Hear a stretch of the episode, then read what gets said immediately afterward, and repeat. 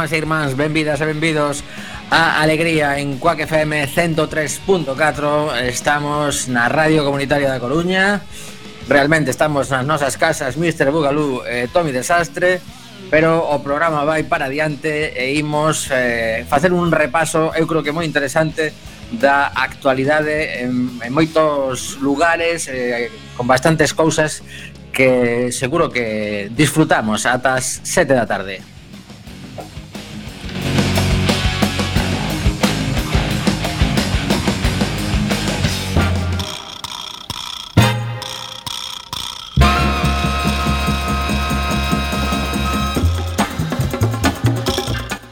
Bueno, seguro que Tito Puente ten algunha versión dos Beatles. E por que digo esta cousa así pouco coherente? Porque Tito Puente é a música que temos de fondo, ese percusionista fabuloso, e os Beatles, tal día como hoxe, pero evidentemente fai 60 anos, 1961, debutaban en The Cavern, ali no seu povo Liverpool.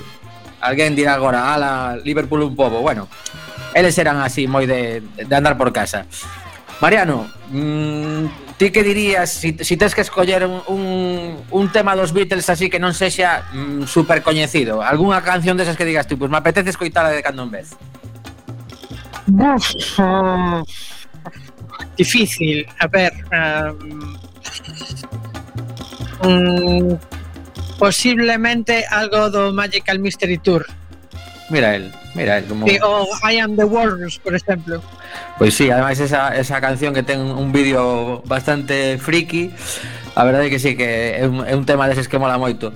Eu, a verdade que creo que, se, sen dúbida, o grupo que teño escoitado máis veces De feito, eh, na miña furgoneta hai un CD que ten toda a súa discografía eh, eh, das partes boas de que non durasen demasiado, que caben nun, nun recopilatorio con uns cantos eh, carpetas de MP3 E bueno, eh, entre as moitas cancións que es que é complicadísimo, pero por exemplo, o Birthday, que é coñecida, pero tampouco é así como super hit, pois a min ponme de, de bo humor. Eh, bueno, eh, hoxe trouxen unha das, das, mm, da primeira etapa para celebrar este 60 aniversario de The Cavern. Eh, estiven vendo incluso fotografías de un par de grupos coruñeses que tocaron ali, destes grupos superfans dos Beatles, con esa conexión de Chema Ríos, que tamén foi un pouco o que impulsou que teñamos na cidade a, a estatua de John Lennon, pois eh, pois nada, ali, ali, ali tocaron de Fangles eh, e tamén Extrema Urgencia Eh, bueno, supoño que para, para a xente que lle gusta os Beatles tocar en The Cavern é algo bastante importante. Bueno, pois eh, sen enrollarnos máis, son as 6 e 5 minutos, queremos comentar un montón de cousas, pero antes escoitamos este I Saw Her Standing There. Alaimos. Bueno, se quere, eh, que isto está indo un pouco a patadas. Que os vale, hai... vale, bueno, pois pues a ver se si se arranca. Veña, imos confiar. Sí, sí, eu estou confiando moito, pero por riba vale. das miñas posibilidades. Vale, vale non descarto que teñamos que reiniciar o trebello, eh? Bueno, mm, e, e, e outra deixa poñela ou non, tampouco. Velai, velai os, velai os tres.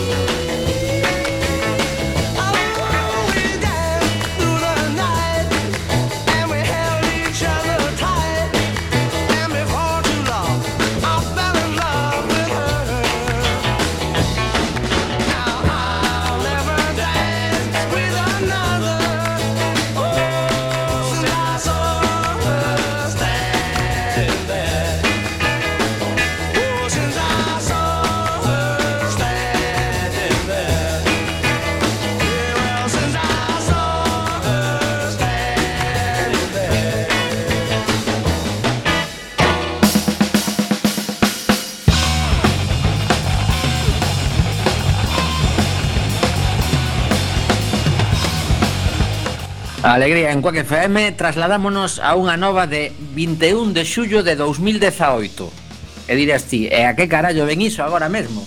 Pois explícoche. Pablo Casado, elexido novo presidente do Partido Popular eh, nun congreso destes que fan maravillosos E isto foi un, en, en Madrid en concreto E recibiu o apoio da maioría dos 3.082 compromisarios.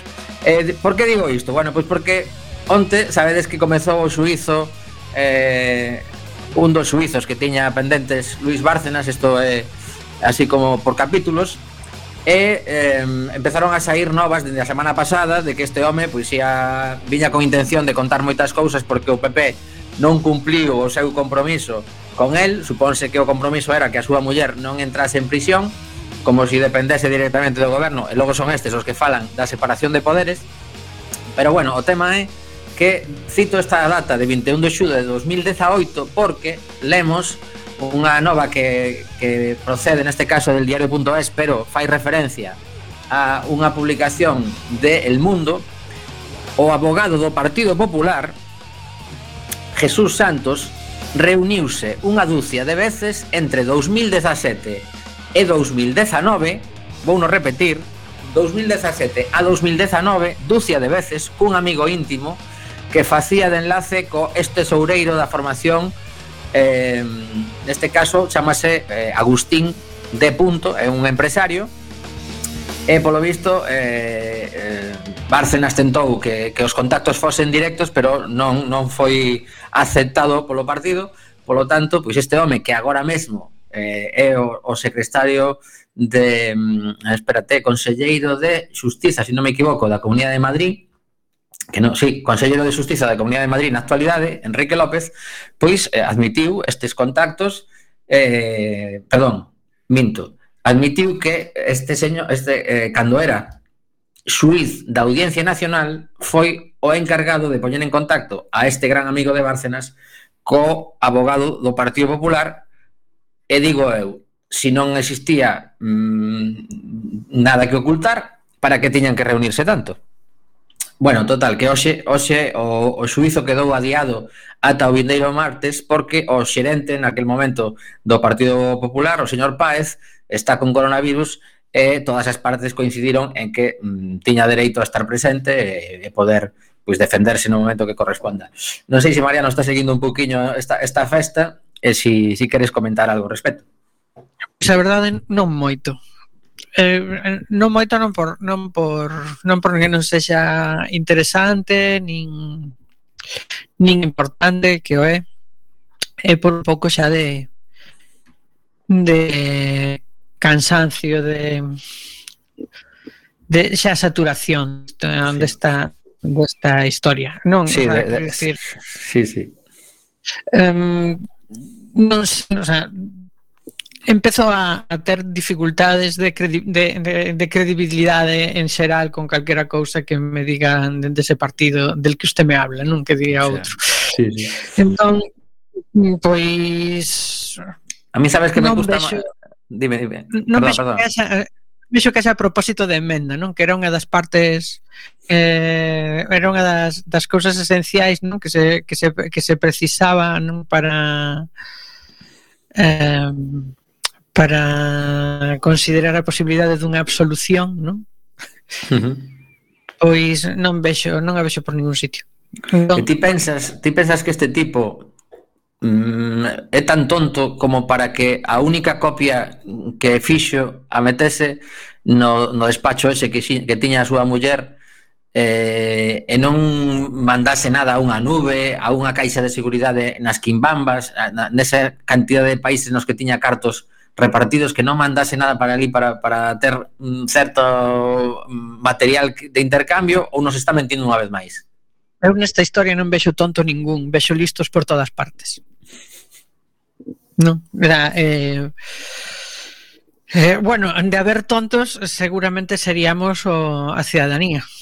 Sí, aí, aí sí. Aí sí, porque todo o que esta xente logrou desviar a base de, de contratos, polo que din, supostos contratos amañados para mm, recibir despois comisións ou antes, incluso, O pois problema pois, eso, é que eso costou, costou moito a carta, moito carto, claro. O problema o problema é que realmente como isto non se non se ve que se estea atallando do mellor xeito, logo ves a loita por controlar o Consello Xeral do Poder Judicial e por designar os xuíces e tal. Ao final o que pasa é que isto redunda nun descrédito institucional eh, gigantesco, monstruoso. E o problema é que o descrédito institucional eh, abre a porta a monstros aínda peores. Sí. Porque, claro, se, se hai unhas regras e a, e a ciudadanía está vendo que se conculcan as regras que non acontece gran cousa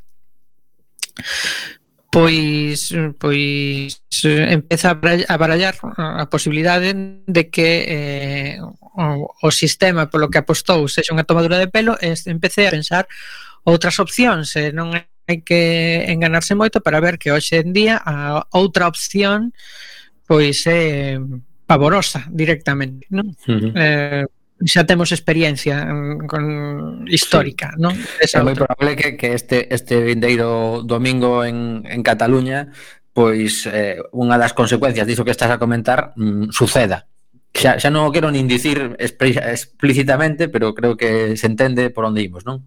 No, pero sei que sei, a ver, é posible que, que, que Vox sobrepasa o Partido Popular en Cataluña. Sí, sí. Eh, Eu creo que bueno, non extrañaría a ninguén, casi non. Que pasa? Eh, pero, pero, pero estamos falando tamén de, de forzas que, que en Cataluña, por, por la súa idiosincrasia particular, son forzas residuais, non? Tamén xogan un pouco a iso a ser forzas residuais en Cataluña e Euskadi porque lles reforza a, ao posicionamento eh, nacionalista que eles manteñen tamén que é nacionalista centralista español, non? Entón, uh -huh. eh, bueno, de hecho,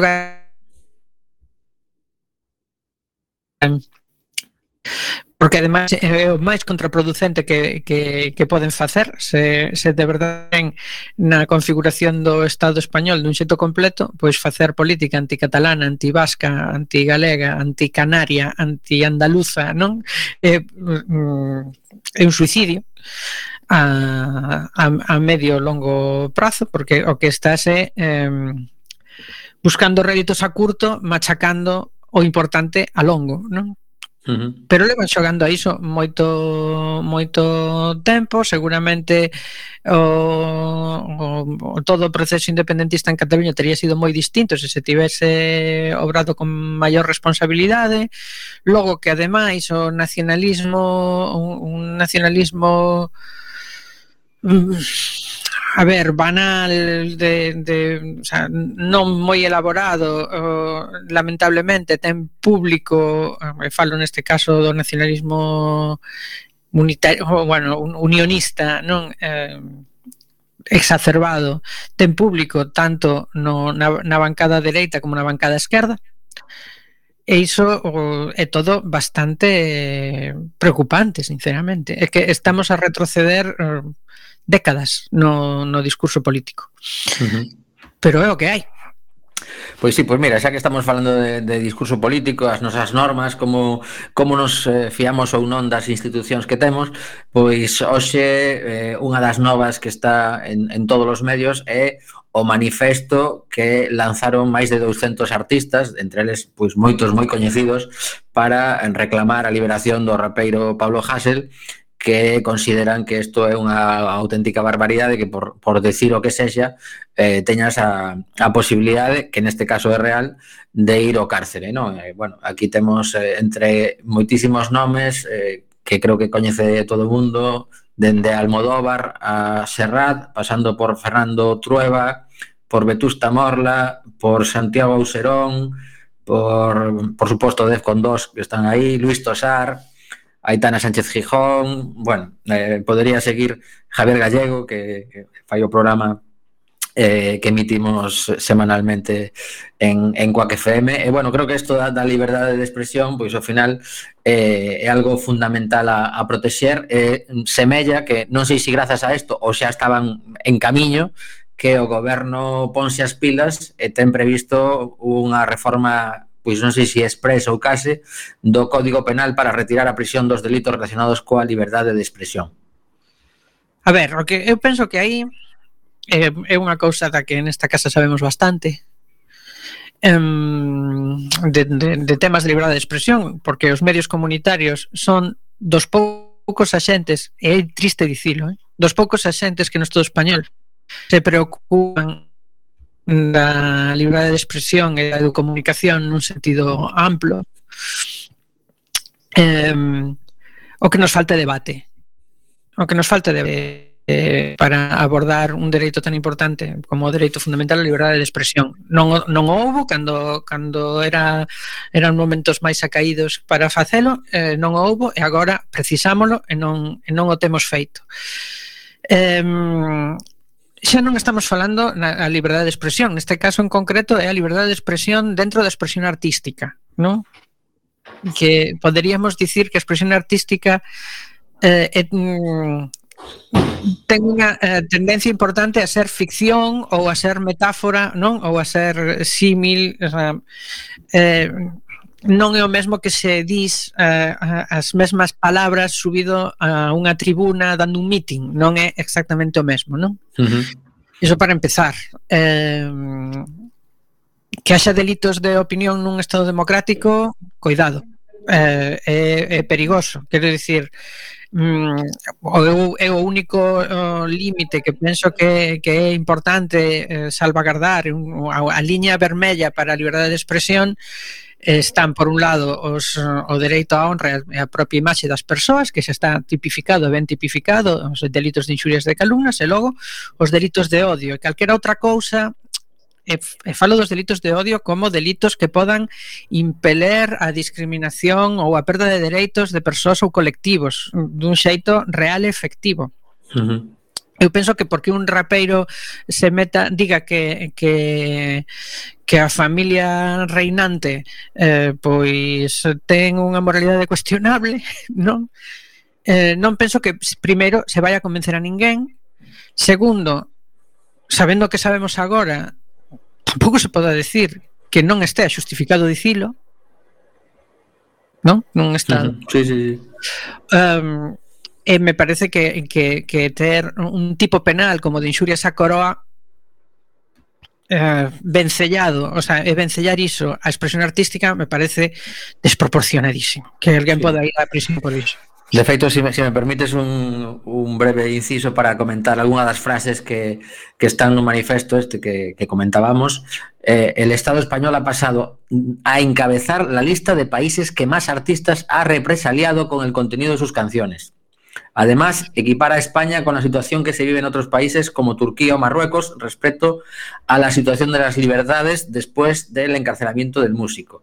El comunicado añade que somos conscientes de que si dejamos que Pablo sea encarcelado, mañana pueden ir a, cual, a por cualquiera de nosotros, así hasta conseguir acallar cualquier suspiro disidente. Además, advierte, por último, que sobre la espada de Damocles que cuelga sobre la cabeza de todos los personajes públicos que osen criticar públicamente la actuación de alguna de las actuaciones del Estado. Bueno, aquí está un poco redundante esto, pero se entiende. Bueno, por lo, por lo tanto, bueno, pues o, o, que, o que, están pedindo hay, algo que, de lógica, vamos. Pero hai algo que aínda é máis grave, ¿no? que é que se persegue a, a artistas que podan poden estar máis ou menos afortunados na súa na súa expresión, pero que non deixa de ser unha expresión artística, non? E por tanto, insisto, ten toda esa parte eh, de, de figuración eh, de, eh, que non, non é unha, unha expresión ordinaria, non? Pero logo tanto en redes sociais como, como en xuntanzas, como en actos públicos, se permite sen ningún problema afirmacións que promoven o odio e que poden traer gravísimas consecuencias. Claro, porque aquí unha das cousas que, que estás, eh, pensando... eh, estás comentando no, no de Canarias agora mesmo con, con Vox, que a citamos outra vez. Por exemplo, ou onde estaba a Fiscalía cando se empezou a falar dos MENAS ata un punto que chegou a haber incidentes en centros de menores, menores, uh -huh. vamos a falar de persoas de especial protección. Eh, que pasou con iso? Vai entrar alguén en prisión? Porque a min, sinceramente, pareceme moito máis grave e moito máis alarmante e moito máis perigoso. Sí. Eh, penso que o ben xurídico protegido mm, é ben máis importante a vida e a seguridade e a integridade física de menores en acollida me parece bastante máis importante que as inxurias a coroa, sinceramente. Home, eu estou de acordo totalmente porque estamos a equiparar unha cousa que vamos que e, e, e xa sin insistir unha vez máis en que mm, é unha desas institucións nas que ni sequera se nos permite opinar sobre ela en, en, en toda a historia da democracia. Bueno, no, bueno, viña no pacto. Sí, sí, viña a Constitución, era ou isto ou isto.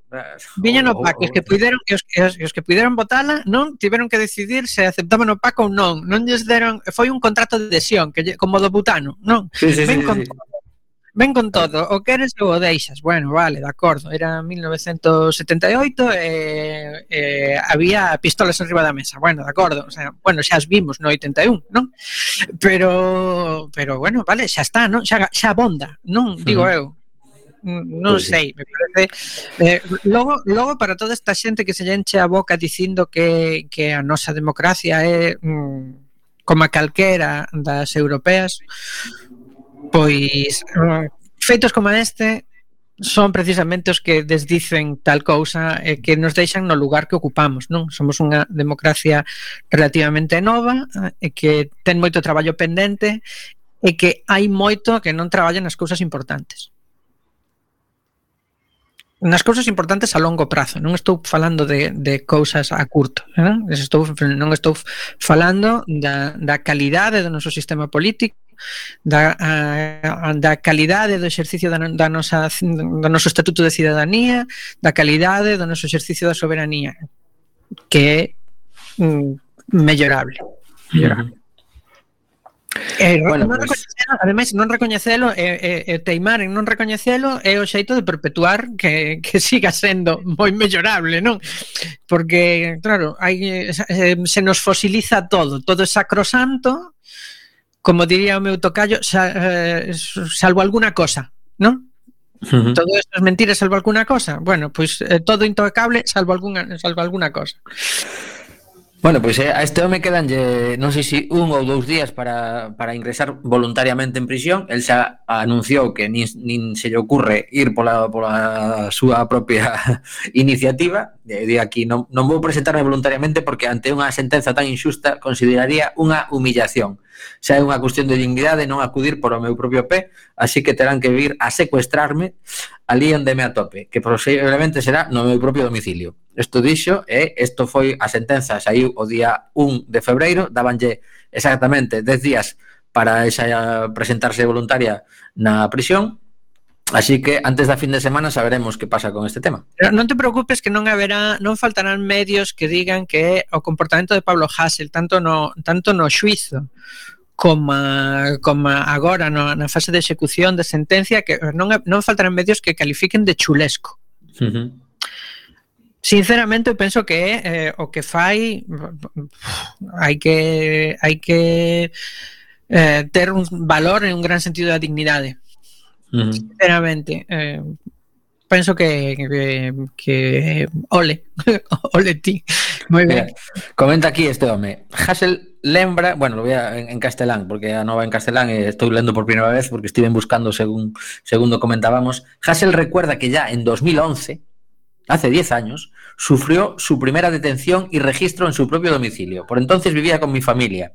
La policía española me quitó libretas, cámaras, camisetas e incluso libros por el hecho de ser libros comunistas, acusado de lo que ellos llaman el antecimiento del terrorismo por 20 canciones. No solo se llevaron objetos míos, mis ordenadores, sino también de mis padres y de mis hermanos. Pasé una noche detenido en el calabozo y me dejaron en libertad a la espera del juicio, en el que me pidieron dos años de prisión por el contenido de las canciones. Bueno, pues esto, dez anos despois, tampouco avanzamos demasiado, sabes? O sea que, menuda.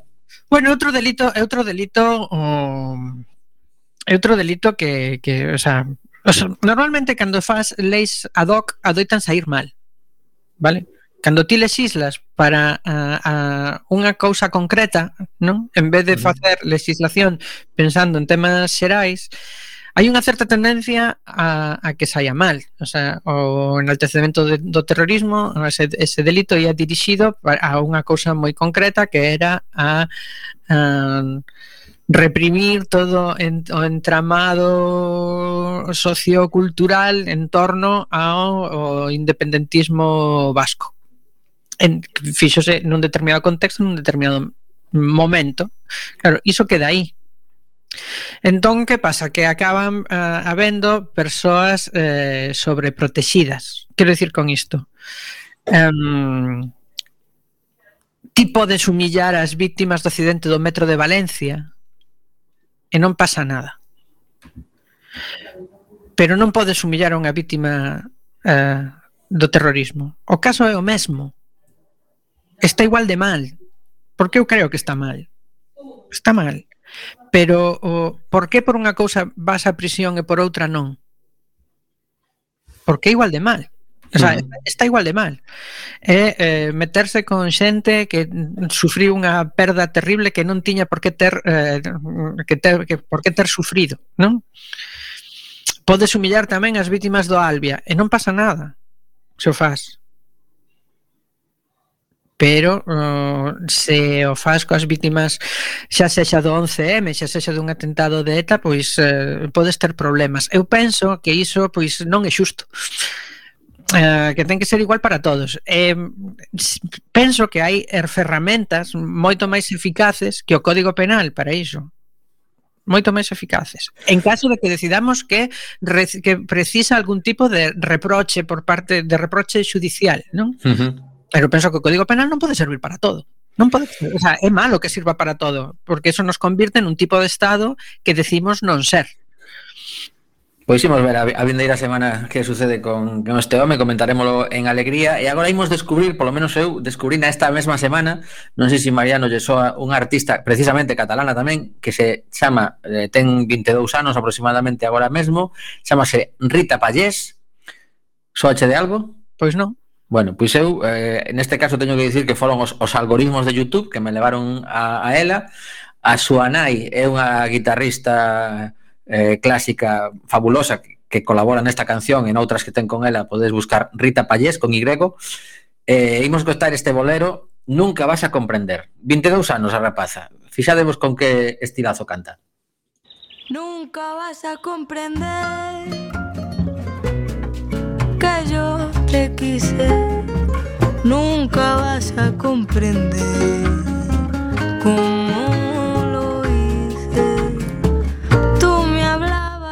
amor, de eso tan bello. Te faltó por demostrar que eras capaz de vivir aquello. Pero no te olvides, por favor, que sigo aquí, ya no quiero sufrir más por ti, mi amor.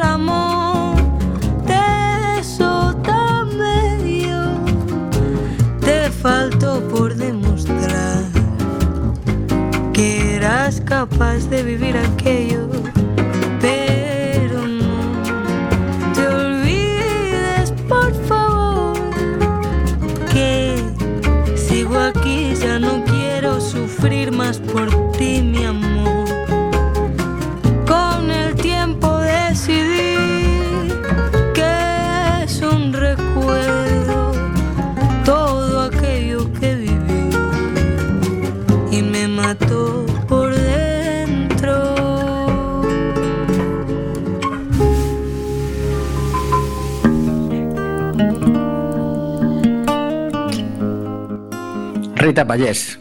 Que che pareceu, Mariano? Vou, eh, pois... A ver, eh, ah, xa baixei. Pois lembroume a...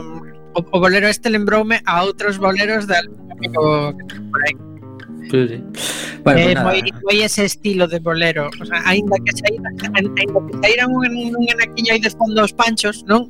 Uh -huh. Sí, sí, foi un guiño evidente Claro, claro. pero ainda, ainda así É un destes boleros contemporáneos Que molan moito, está moi ben sí. A min, a min me, me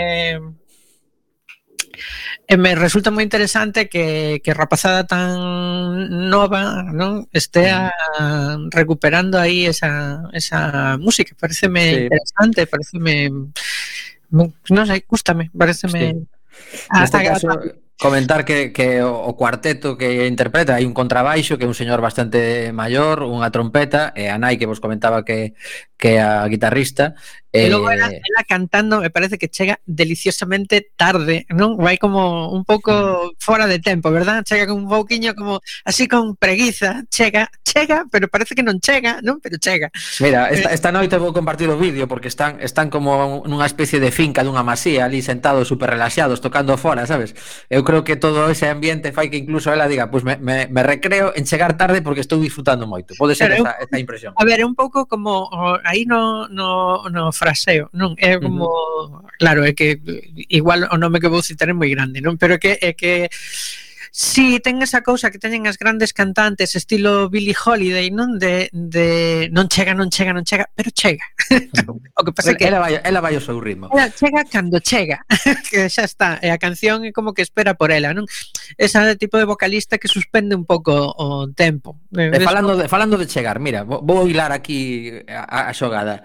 Resulta que eh, o que non dan chegado son medidas económicas neste 2021 dende o Concello da Coruña e quero traer un unha, unha carta que hoxe fai pública eh, a Marea Atlántica a través da súa portavoz María García, está nas redes sociais, podedes, podedes lela, eu vou, vou unha ler porque considero que de alguna forma está sendo un pouco o clamor dende a oposición de algo que, que lle levan dicindo dende que comezou este ano, incluso antes, cando decidiu o Partido Socialista non propoñer uns orzamentos para para a cidade para 2021. Esta é a, a carta da Marea Atlántica, cada un que saque as súas conclusións, haberá cousas cos que podes estar máis ou menos de acordo, pero mm, pensei que, que era unha, unha boa reflexión para compartir no programa de hoxe. A Coruña, 9 de febreiro de 2021. Prezada alcaldesa, quero compartir contigo a miña preocupación e a da toda a Marea Atlántica pola situación na que o Concello da Coruña está a comezar o ano 2021 sen uns orzamentos adaptados á realidade e sen unhas modificacións mínimas para parchear unhas contas elaboradas en 2019 antes da irrupción da pandemia que trastocou as nosas vidas. A día de hoxe, xa ben entrado o mes de febreiro, o Concello non resolveu nin o apoio ás entidades do terceiro sector, nin o novo plan de reactivación económica, nin a resposta a, a novas necesidades derivadas desta durísima emerxencia no oído da atención ás persoas non só non se perceben avances, senón que nin siquera coñecemos borradores das propostas do goberno. Na Marea Atlántica creemos honestamente que esta situación é anómala e gravísima e que o traballo do teu goberno debe centrarse en resolver estes problemas canto antes. O 1 de xaneiro caducaron todos os convenios municipais coas entidades sociais, deportivas, culturais e veciñais da Coruña asociacións que fan un traballo xeneroso e que chegan onde non chegan, non poden chegar as institucións e que agora mesmo viven na incerteza absoluta. Xusto cando o seu labor é máis complicado por mor da pandemia. Non saben se contarán con axuda nin cando a poderán recibir. Cada vez que se lle pregunta, o portavoz do seu goberno promete que o problema está case resolto, pero o certo é que os prazos se incumpren sistemáticamente e a data de hoxe non coñecemos sequera unha proposta inicial. O retraso co que o goberno está a abordar a renovación dos convenios tamén se lle aplica ao novo plan de choque fronte á pandemia. Por máis que se anuncia, non dá avanzado. Da experiencia do ano pasado, o goberno local debería ter aprendido que un dos principais problemas foi a tardanza na chegada das axudas aos seus destinatarios. Aínda están sendo abonadas agora as do primeiro plan, que aprobamos en xuño todos os grupos deste Concello. Polo ben da cidade, debo pedirche que tomedes en serio esta tarefa e centedes nela todos os esforzos posibles. En xaneiro tiñamos 16.900 persoas en paro na Coruña, un 19% máis que o ano anterior.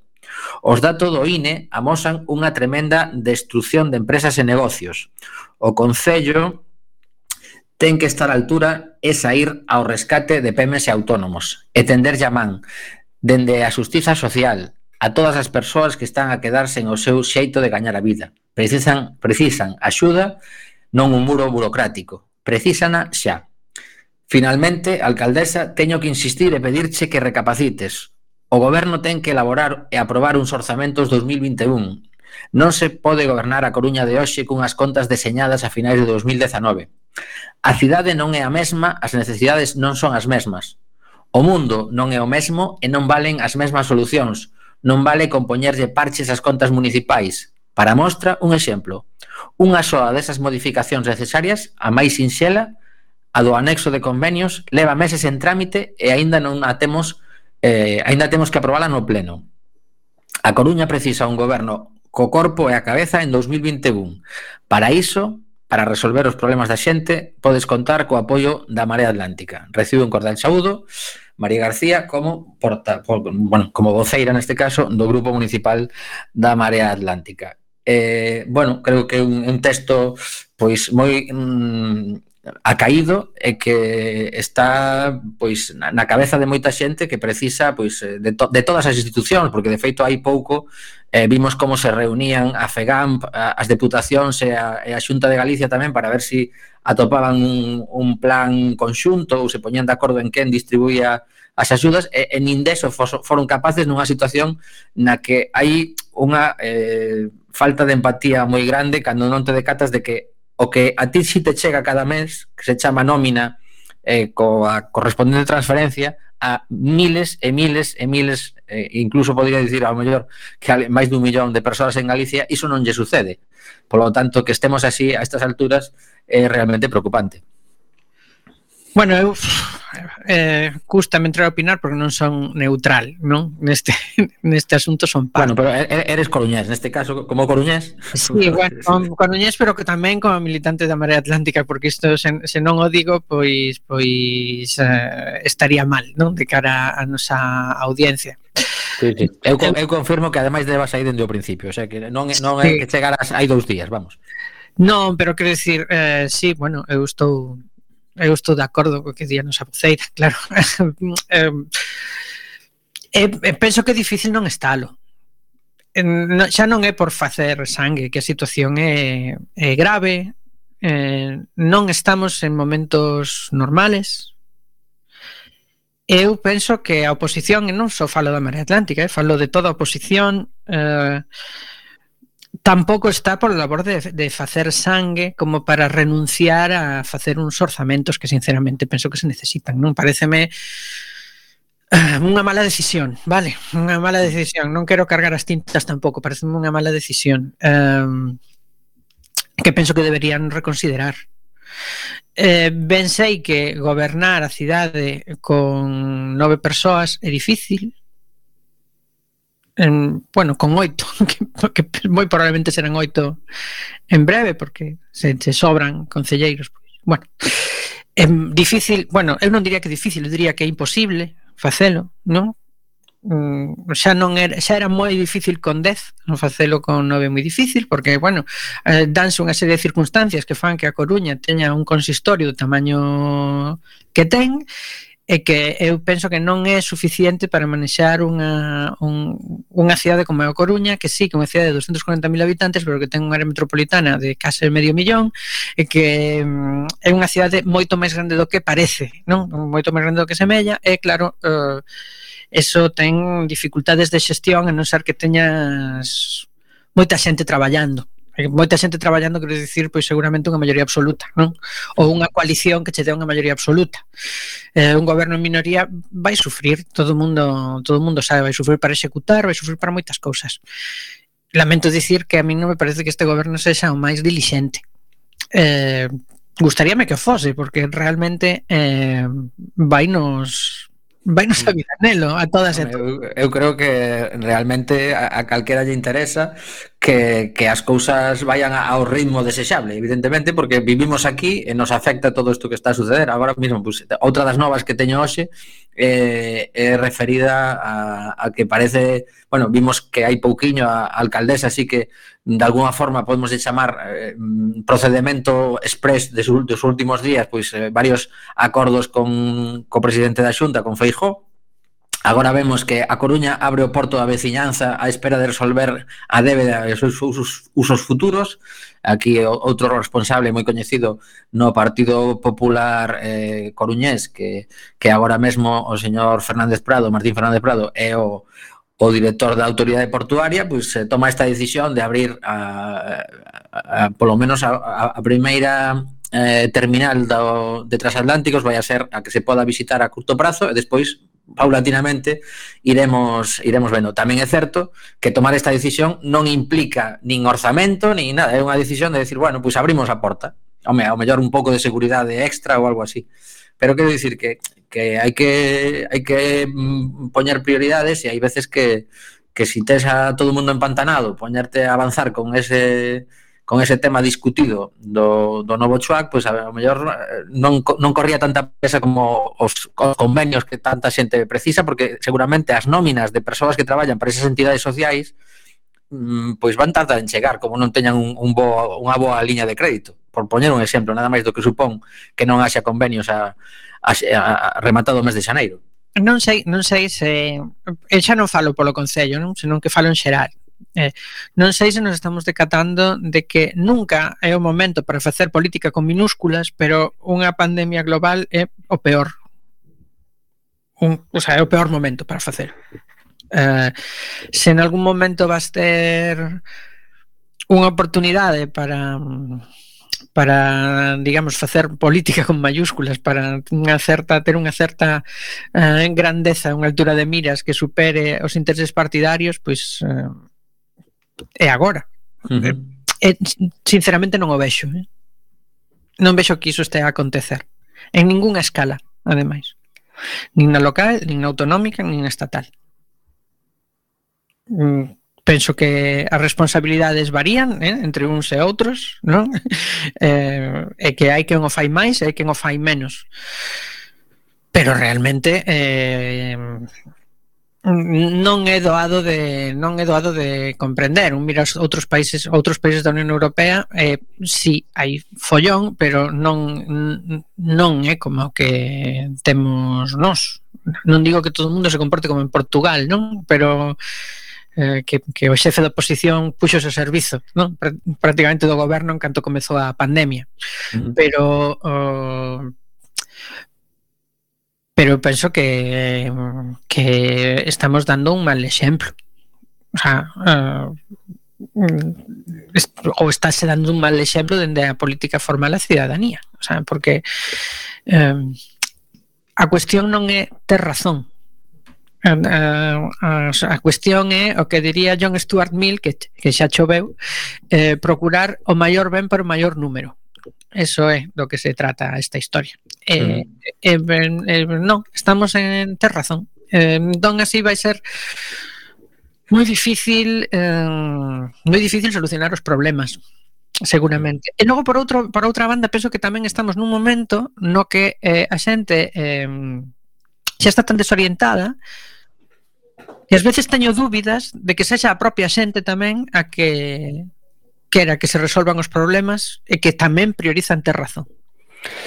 A ver, é que... Aí, cando, cando nunha democracia o, o, o mal, no, ese mal se transmite á ciudadanía, pois podemos ter problemas serios, non? Uh -huh. A mí esa é a sensación que esa, esa é a sensación que teño a día de hoxe.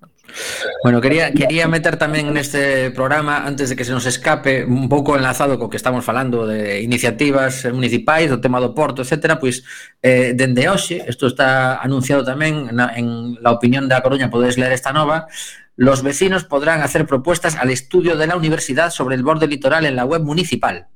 Entón, eh, isto que comentan hoxe mesmo, o Concello ten aberto un ca, unha canle de participación cidadá na transformación dos terreos portuarias a través da aportación de propostas, suxerencias e comentarios dos veciños ao documento elaborado pola Universidade finais do pasado ano.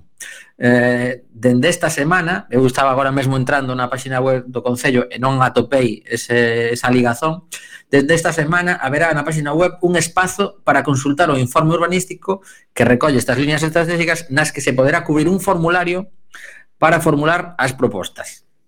Temos que contar con todas as opinións para construir conxuntamente o futuro da Coruña. Isto é, é un pouco de Javi, non sei se te está a, men, a mesma sensación, Mariano. Eh... Sí, de, de Javí Manon Tropo, non? sí, menudo, menudo castra, menuda castrapada acabamos de facer. E bueno, sí, porque xa houve un proceso participativo bastante máis amplo, non? Sobre varios proxectos eh, na legislatura pasada, nos lembramos, non? De, de sí, sí. aqueles E, e agora, pois, temos un proceso de participación, pero un poquinho, unha poquita, nada máis, eh, de participación. Vamos a hacer un formulario sobre un informe, non? Que eh, o que pretendía era, pois, evidentemente, eu entendo que facer unha emenda a totalidade do que se falara ah, a, No a verdade é que descoñezo o informe da universidade, a ver se si, eu, si o rescatamos. Eu, eu coñezo un pouco tangencialmente, é dicir, o sea, non, non, non he traballado, pero sinceramente eh, bueno, digamos que rescata algunhas ideas do pasado que a min non me parecen uh -huh. acertadas. Non?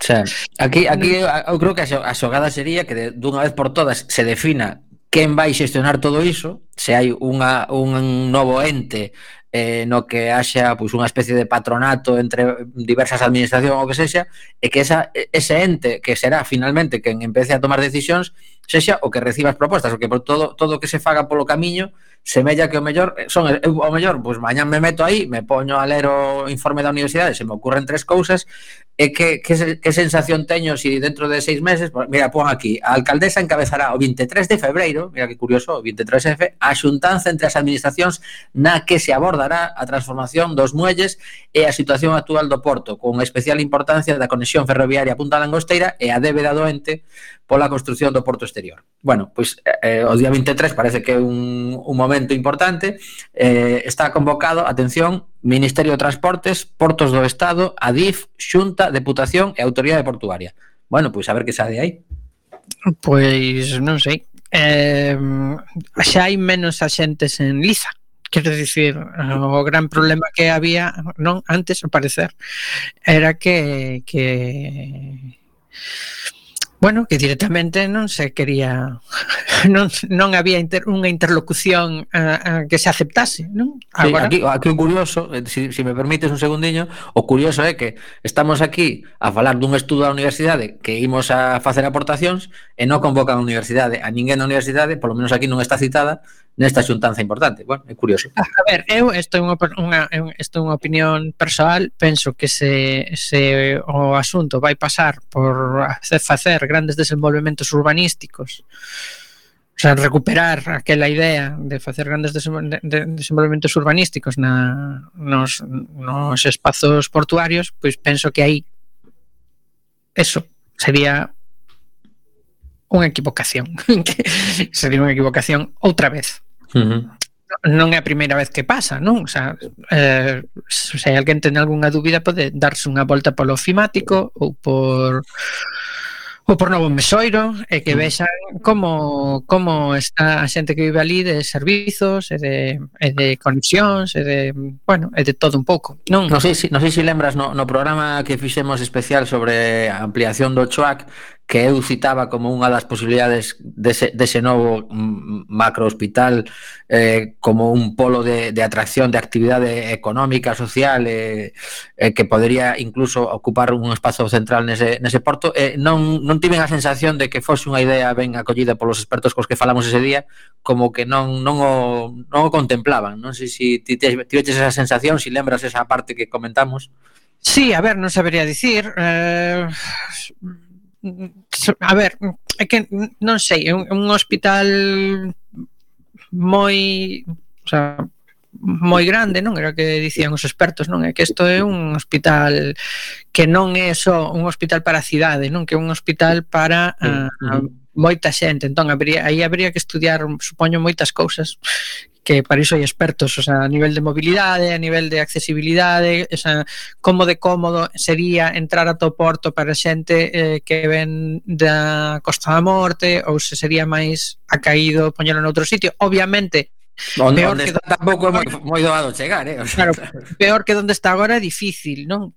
Eh, pero bueno, mm, tamén é certo que hai moito construído aí, non? Uh -huh. pero pero non sei, non non teño coñecementos para Sí, non teño coñecementos para ter unha opinión eh, suficientemente documentada, terei que estudiar máis. Bueno, pois falando de estudiar, agora que estamos estudiando, e cantos segundos nos queda, Mariano, para despedir o programa? Un minutiño, tes. Bueno, pois nada, nada, pois eso, despedimos. Eh, quedades en boa compañía Sabedes que hoxe os compañeiros e compañeras de Recendo Nos toman o relevo como cada martes. Tentaremos estar aquí de volta Pois eh, a 6 da tarde do día Se non me equivoco, 16 de febreiro. E se alguén se anima a sumarse a Quack FM Que saiba que este, este mesmo sábado temos asamblea xeral E que se si nos mandan un correo electrónico a comunicación arroba cuacfm.reguet pois damos información e o mellor xa poden achegarse. Eh, bicos a, a Beaula Lume, eh, vémonos nas ondas. Chao.